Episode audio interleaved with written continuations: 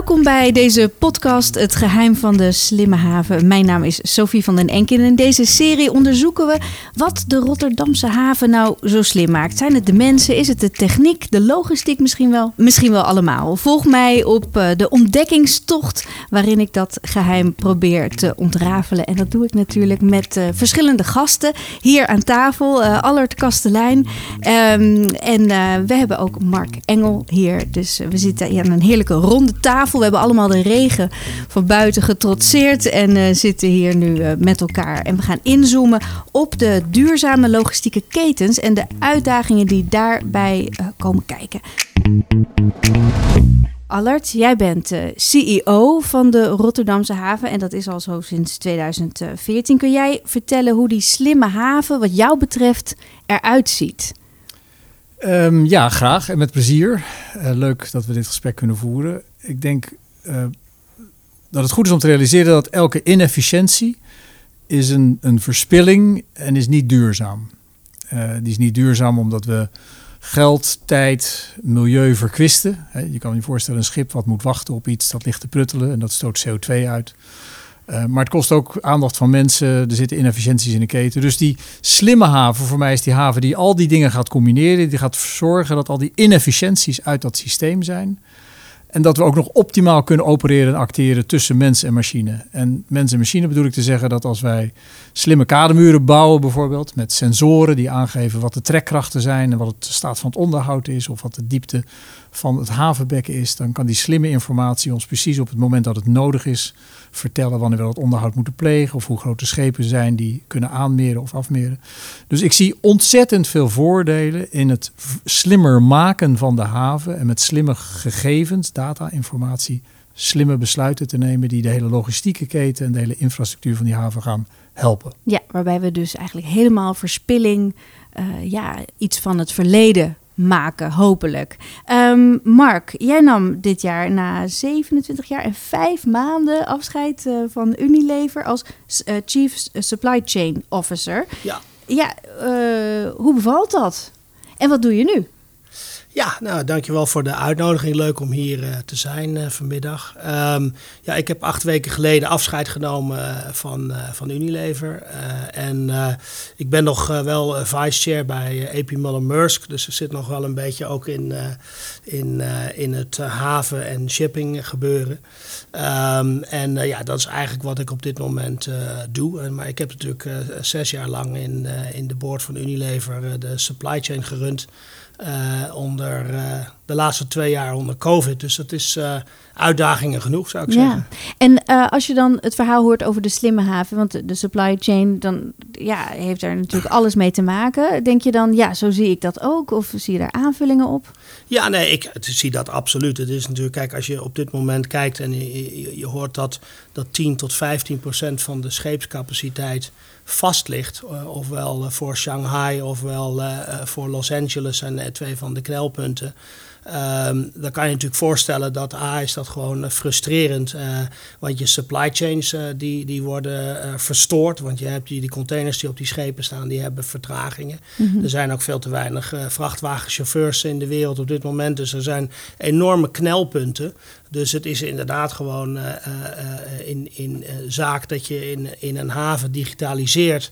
En inderdaad de efficiëntie en de, de, wij noemen dat de customer journey gewoon makkelijker maakt. Want het is, het is moeilijk genoeg in deze wereld. Ja, en heeft die slimme haven daar ook mee te maken? Waarom is ja. het zo belangrijk dat we de havens slim maken? Nou, omdat, omdat het Allard zegt, want je krijgt daarmee efficiëntie en je krijgt snellere turnaround time. En dan hopelijk kan al die, die, die bottlenecks die we overal hebben, die kunnen gewoon weer uh, naar normaal. En dan wordt de, de wereld weer iets normaler. Ja, de wereld weer iets normaler. Uh, zijn we daar al? Eventjes uh, inchecken met jou, Allard? Nou nee, daar zijn we niet. Daar zijn we niet als gevolg van nog steeds COVID. Hè. China kent nog steeds een probleem. We zijn natuurlijk ook niet als gevolg van de geopolitieke spanningen die zich nu manifesteren.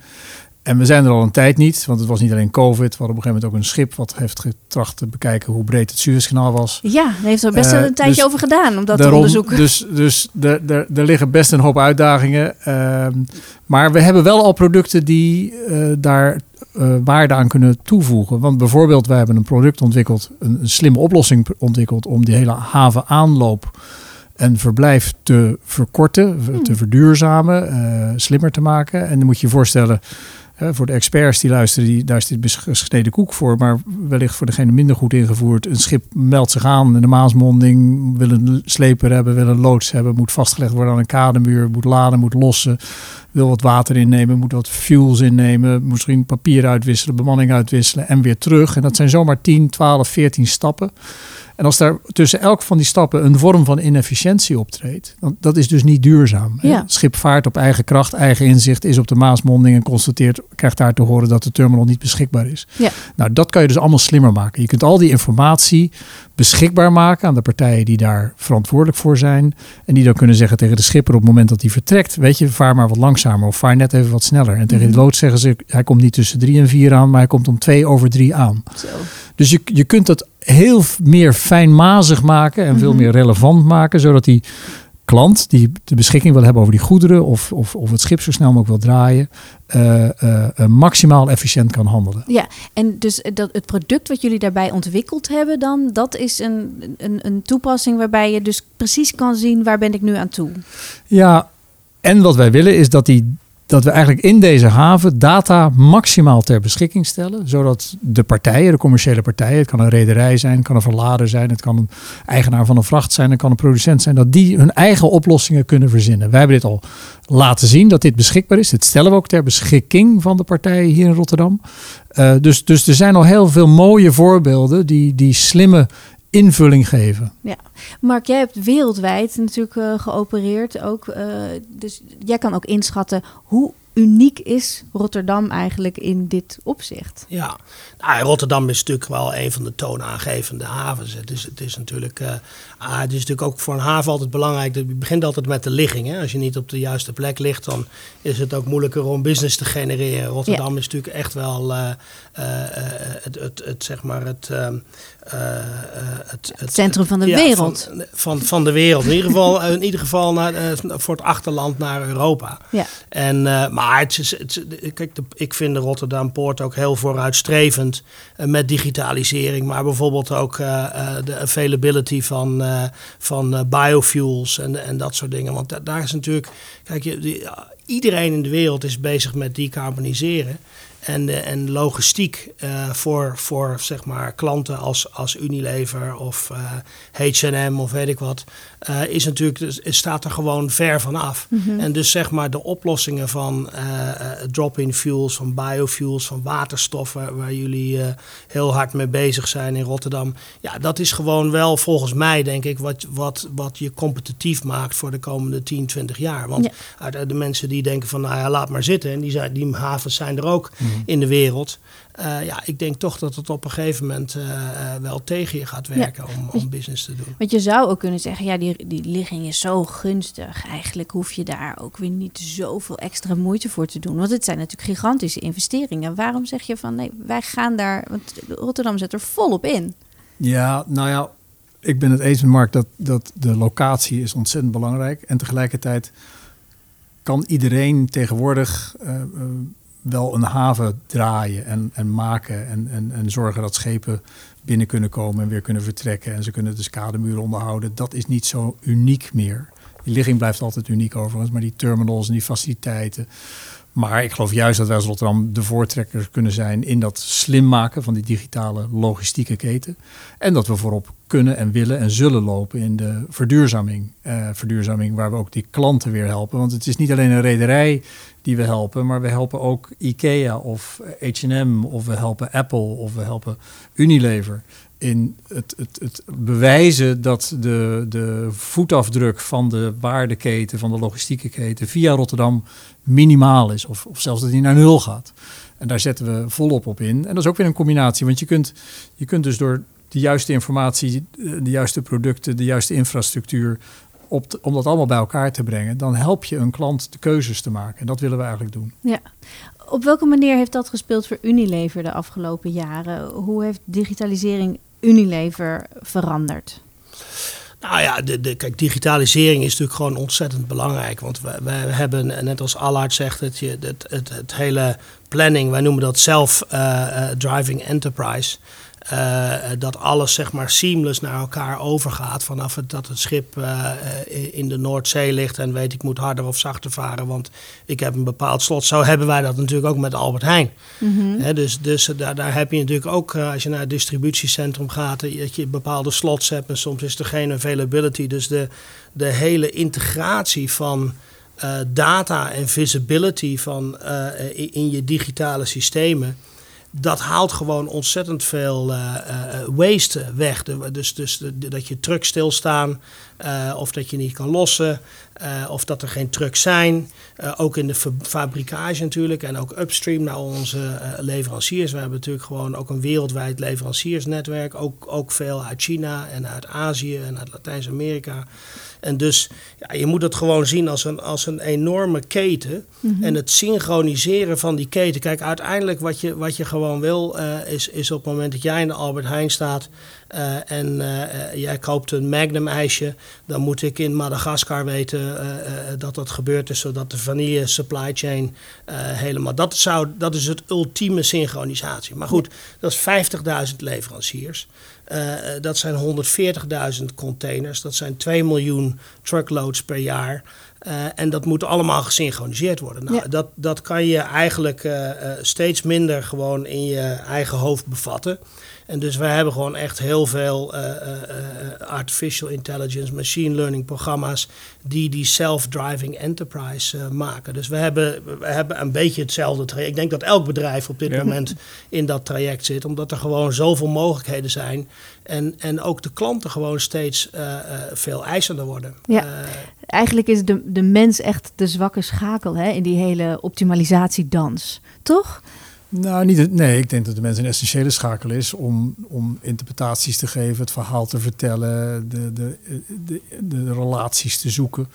Dus die mens is voor mij een hele belangrijke schakel. Maar een interessante component is nog, en het is een, even een zijstraatje, maar hij is toch wel relevant. Hè? We hebben de laatste tijd dus heel veel uh, te doen over het gebrek aan arbeidskrachten. Of het nou truckchauffeurs zijn, of mensen die op de terminals werken, of in de kassen werken, of in de scholen onderwijs geven. Zeker.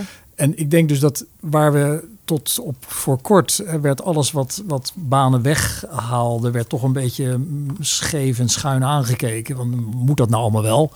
En ik denk eigenlijk dat, daar, dat we daar nog meer moeten op inzetten. Dat we waarde willen creëren zonder dat het onmiddellijk vertaald moet worden naar heel veel uh, banen. Ja. Want die hebben we gewoon, we hebben de mensen niet meer. En dan halen we ze weg uit de gezondheidszorg of uit het onderwijs of anderszins. Dus als wij slimme oplossingen kunnen verzinnen om die logistieke keten van die 2 miljoen handelingen die net worden geschetst te automatiseren, met artificiële, eh, artificiële intelligentie Laat die slimmer robots te maken. maar komen. Laat maar, want, want dat voeg je waarde toe aan de samenleving. Je haalt verspilling weg, je bent goed voor het milieu en je vraagt ook niet ongelooflijk veel menskracht die we zo hard nodig hebben op andere gebieden zo'n 90% van wat we aan kleding dragen, wat we eten, magnum-ijsjes, uh, brandstof, alles wat we consumeren, wordt natuurlijk met schepen vervoerd. En die schepen die stoten CO2 uit natuurlijk. En we willen naartoe dat die uitstoot ja, naar nul gaat. Hoe verre toekomstmuziek is dat? Als ik naar jullie kijk. Nou, vanaf 2030 ik ga zo vertellen hoe ik daartoe kom, uh, is het plan dat er schepen zijn die met nul uitstoot gaan varen. En dat is een coalitie van partijen die dit willen. En Maersk is daar een partij van. Marshall zit er ook in. En MSC, grote rederij, zit erin. Maar ook de grote motorenfabrikanten zitten erin. Maar ook slimme uh, computertechneuten, als IBM zit erbij. En in die coalition, of de Getting to Zero Coalition heet dit. En daar zitten wij ook bij als enige haven ter wereld. En wij zijn dus bezig om met die partijen te bedenken, te innoveren, uh, wat er voor nodig is om dan nul emissie scheepvaart mogelijk te maken. Nou, dan gaan wij geen brandstoffen maken of, of, energiebronnen maken.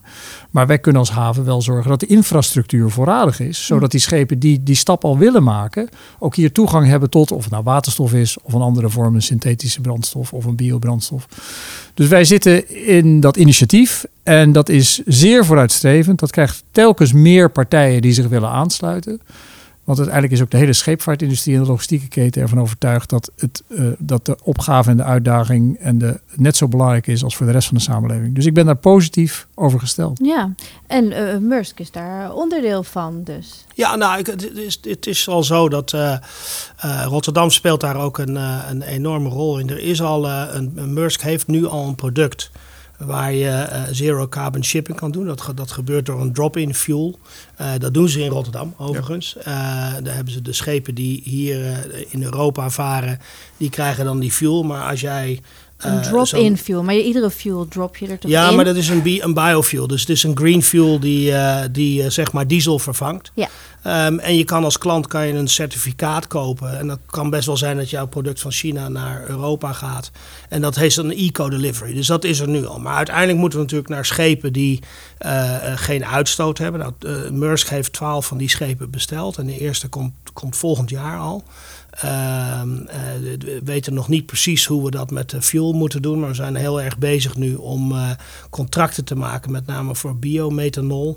Eh, of dat het uiteindelijk fuel is, dat is natuurlijk even de vraag. Je ziet wel dat waterstof op de lange afstanden eigenlijk niet voldoende dichtheid heeft om, eh, om die schepen eh, van Azië naar Europa te krijgen zonder heel veel te moeten stoppen. Oh, oké. dus Eh, waterstof is niet de oplossing. Nou, is nog, de, de, de, je moet het eigenlijk zou je het waterstof om moeten zetten naar een higher density fuel. Dat is, maar voor de, korte termijn, voor de korte afstanden zou het wel kunnen. Maar wij, wij denken dat de, voor de lange afstanden, of het biomethanol is of, de, of dat het ammonia is, dat is nog niet helemaal eh, duidelijk. Of toch een andere brandstof. Ammonia maar- klinkt nou ook weer niet eh, heel goed. Of zie ik dat nou ja, am- ammonia is de biobrandstof, dus de, de biomethanol.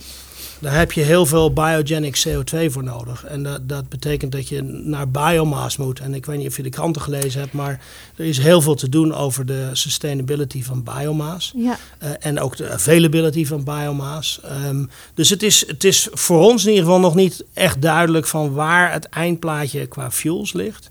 Maar we hebben wel gezegd, laten we een investering doen van 12 schepen. Eh, die komen tussen eh, twe- t- 2023 en 2027 komen die eh, eh, eh, on stream. Ehm, omdat we ja, toch ook eh, die. eh, de, want het, het is een beetje de, de. Hoe noem je dat? De, de, het kip en het ei. ja. Als je de schepen niet koopt, dan wordt de fuelmarkt eh, die wordt niet ontwikkeld. En, en, en als de fuelmarkt niet ontwikkelt, dan koopt niemand die schepen. Dus daarom zijn we eigenlijk begonnen met, eh, met die reis. ja. En Dus- ik denk dat Rotterdam daar ook een hele grote rol in kan spelen. ja. Welke, eh, welke rol zou Nou wat- Rotterdam wat daarin willen dus- eh, spelen? Ik herken dit helemaal. Het is overigens zo dat, dat eh, in, de loop, in de komende decennium of zo zal, zullen de diverse technische toepassingsvormen zullen zich ontwikkelen en zullen we kijken wat waarvoor geschikt is. Want je kunt je ook voorstellen dat als je telkens van A naar B vaart en dat is bijvoorbeeld van Nederland eh, naar Engeland, dan zou dat elektrisch kunnen. Dat kan ook accu varen bijvoorbeeld. Dus elektrificatie kan je krijgen. Eh, waterstof kan je ook eh, bij min 252 graden vervoeren. Dan wordt die dichtheid die net eh, even aangestipt werd, wordt, wordt, wordt veel intensiever. En dan kan je Hmm. weer veel, veel grotere afstanden varen. Dus de, de techniek moet zich nog ontwikkelen. Wat wij hebben gezegd als haven, wij zijn technologisch, hebben we geen voorkeur. Wij willen het allemaal beschikbaar maken voor een partij als Maersk. En, dat is het tweede, en dat is een nieuw initiatief wat we, wat we zelf ontwikkeld hebben, is dat we naar een andere haven zijn gegaan. In dit geval Singapore. Hebben we we gaan samen nu een Green Corridor oprichten. En dan gaan we dezelfde technologie die wij hebben, gaan we beschikbaar gaan. Singapore en Rotterdam gaan dezelfde technologische en infrastructuur eh, beschikbaar stellen Zodat aan Maersk. Voor schepen gemakkelijk wordt om tussen Zodat je in ieder geval kunt beginnen Singapore-Rotterdam. Ja, Eh, en als dat dan werkt, en dat is mijn idee, als dat dan werkt, dan gaan we naar Shanghai en dan gaan we naar eh, Houston. Of we gaan van Houston naar LA en we gaan van Rotterdam naar Sao Paulo. Dus ik wil maar zeggen, je hoeft niet de hele wereld te voorzien van de technologie en de beschikbare bunkerfuels. Als je die groene corridor van jullie is dan een beetje de twaalf schepen van Maersk. Gewoon de eerste stap. De eerste stap, ja, maar je kunt eh, bij wijze van spreken 80% van de wereldhandel kun je waarschijnlijk al met eh, minder dan 10 havens adresseren. Want die schepen hoeven niet op in elke haven te bunkeren. Die kunnen, die kunnen makkelijk, als het een beetje eh, energiedicht is, kunnen ze heen en weer varen tussen Azië en, en Europa. Dus mijn idee is echt beginnen met een paar havens die er net zo in de wedstrijd zitten. Het succes bewijzen en dan vervolgens kralen rijgen aan de ketting. En zo het uitrollen. Ja. En niet wachten tot de keuze op de uiteindelijke technologie is gevallen. Want dan zijn we ook te laat uiteindelijk. Want Ja. dat is de hele uitdaging met de klimaatcrisis die we hebben. Als we allemaal gaan zitten wachten tot het ideale antwoord zich gepresenteerd heeft, dan zijn we zeker te laat. Nou ja, en wat ik mooi vind aan het voorbeeld eh, Rotterdam-Singapore is dat je dus ook aantoont dat je partnerships nodig hebt. Je kunt gewoon niet in je eentje zo'n keten veranderen. Want ja, een, Nee, een, een, klopt. een ketting met kralen, die moeten aan elkaar geregeld worden. En, en, een, en een rederij als Maersk is daar dus ook een hele krachtige en belangrijke partner in. En Ja. zo hopen we er nog een paar aan te kunnen laten sluiten. Wat Wat, uh, wat, wat moet er anders? Wat moet er sneller? Waar, waar, waar krijgen jullie een beetje de kriebels van? van dat je denkt, kom op, nou, dat, dat geldt denk ik voor elk onderwerp wat we nu aanstippen, omdat het allemaal innovatie betreft. Hè. Het betreft innovatie, uh, concept bewijzen, technologie ontwikkelen, uh, aanpassen, uh, infrastructuur moeten bouwen, certificering, gelijk speelveld borgen. Het is allemaal hartstikke complex. Ja. En uh, je, je, gaf het net zelf al aan, je hebt partners nodig. Niemand kan dit alleen. Mers kan het niet alleen, want die hebben een motorenfabrikant nodig en een haven nodig. Wij hebben weer een, een, een energieleverancier nodig. Niemand kan dit alleen. Dus het kan allemaal sneller en het moet ook allemaal sneller. En op dit moment, dat geldt zowel voor de digitale omgeving als voor de groene energieomgeving, is het eigenlijk wet, regelgeving, certificering, regulering die achterblijft. Dat geldt op digitalisering ook. Van wie zijn de data? Wat, is, wat zijn de beperkingen op uh, certificering van waterstof? Wat betekent dat nou? Wat is nou groen? Wat is grijs? Wat is blauw? Als je het importeert, uh, zelf produceert. Dus wet, regelgeving. Kijk, kijk naar dit land. Beschikbare ruimte, stikstofruimte, geluidsproblematiek. Wetregelgeving is op dit moment echt een grote bottleneck, helaas. Ja, je had ook kunnen overwegen om dan de politiek uh, in te gaan, Mark. Als je dan toch weg bent bij Unilever. Ik denk dat daar betere mensen voor zijn dan ik. want ik ben vrij ongeduldig. maar ik, ik, de, de, met, ik wilde met name even eerst zeggen dat het muziek in de, als muziek in de oren klinkt, dat inderdaad om, om, om een aantal havens dit te laten doen. Want dit is echt wat je nodig hebt. Ja. En ik vind ook echt dat Rotterdam daar een enorme voorloper in is. Maar die, die wetgeving is niet alleen maar de nationale wetgeving, maar je hebt ook de IMO. Dat is de, de, de, de, de scheepvaartindustrie heeft eigenlijk als enige een soort internationale body die ook wetgeving maakt. En uh, ja, daar word ik wel eens wat ongeduldig van. Uh, hoe, hoe die in de wedstrijd staan qua vergroening. En, uh, want dat is uiteindelijk creëert dat een soort level playing field. Als, als de IMO gewoon zegt, nou dit zijn de standaards. En er is nogal wat discussie over tussen de verschillende fueltypes en LNG bijvoorbeeld. En, en is dat wel of niet een, een, een tussenfuel?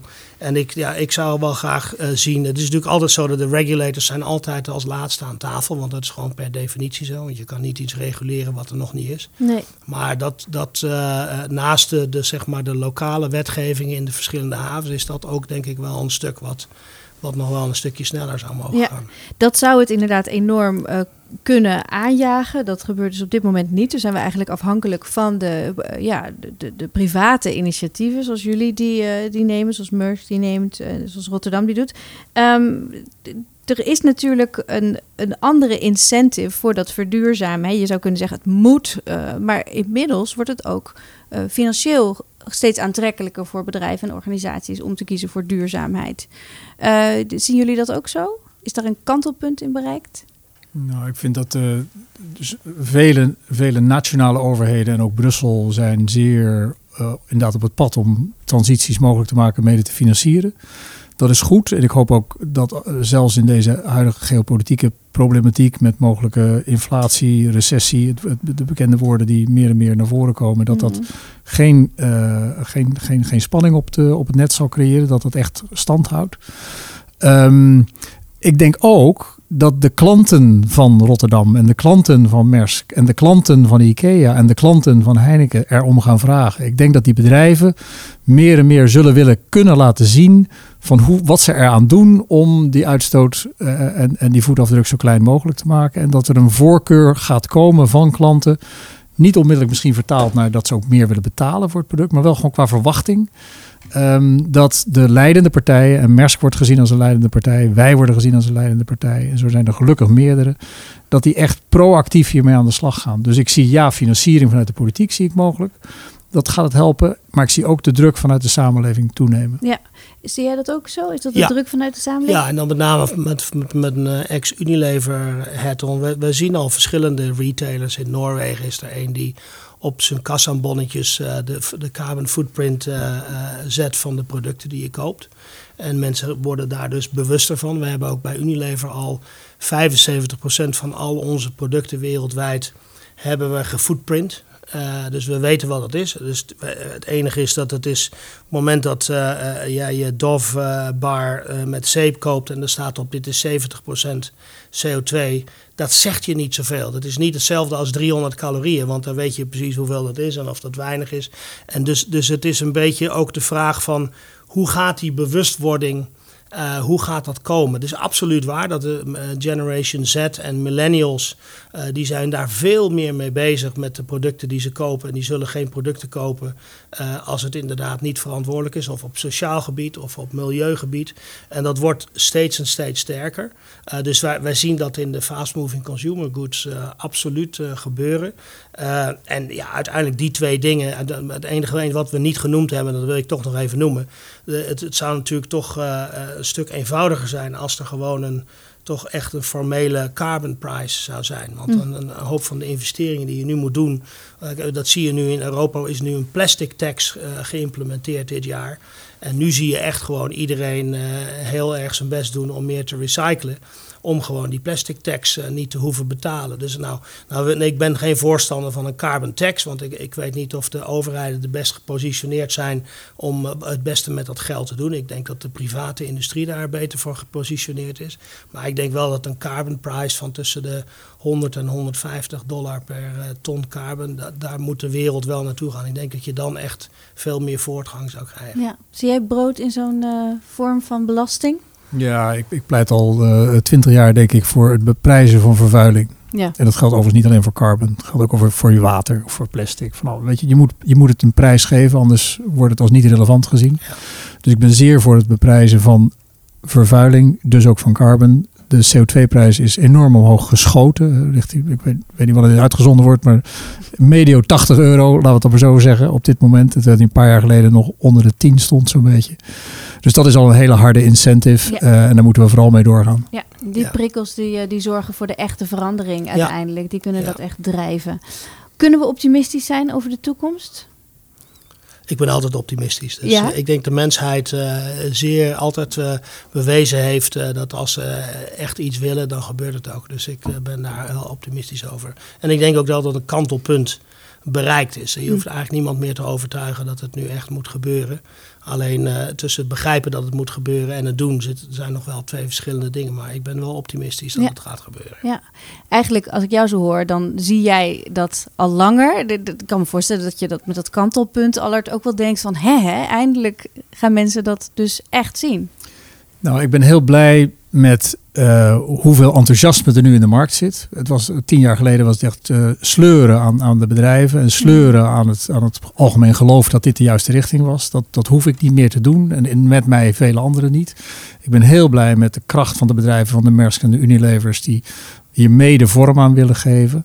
En ik ben positief. Uh, en ik zeg ook altijd, um, en dat ben ik oprecht, als wij het in Nederland niet voor elkaar zouden krijgen. Noem maar één land ter wereld waar het wel zou kunnen. We hebben de, het geld, we hebben de mensen, we hebben de infrastructuur, we hebben de mentaliteit, we hebben de cultuur, we hebben internationale bedrijven, we hebben de bereidwilligheid. Als het ons niet lukt, noem maar één land waar het dan wel zou lukken. Dus wij moeten positief zijn, want wij moeten de wereld ook laten zien dat het kan. En vervolgens moeten we dat woord verspreiden zo snel als we kunnen. Nou, ik, uh, ik doe er een, strik omheen, deze uitspraak. Uh, heel erg mooi. Dank jullie wel, allebei, voor dit uh, gesprek. Ik vond het uh, buitengewoon inspirerend en hoopgevend. Uh, ik ben niet altijd een optimist, dus dank jullie wel daarvoor. heel erg leuk om, om dit zo te horen. Graag gedaan. Als je zit te luisteren en je denkt ik wil heel graag meer weten, dan kun je even kijken op portofrotterdam.com slash toekomst.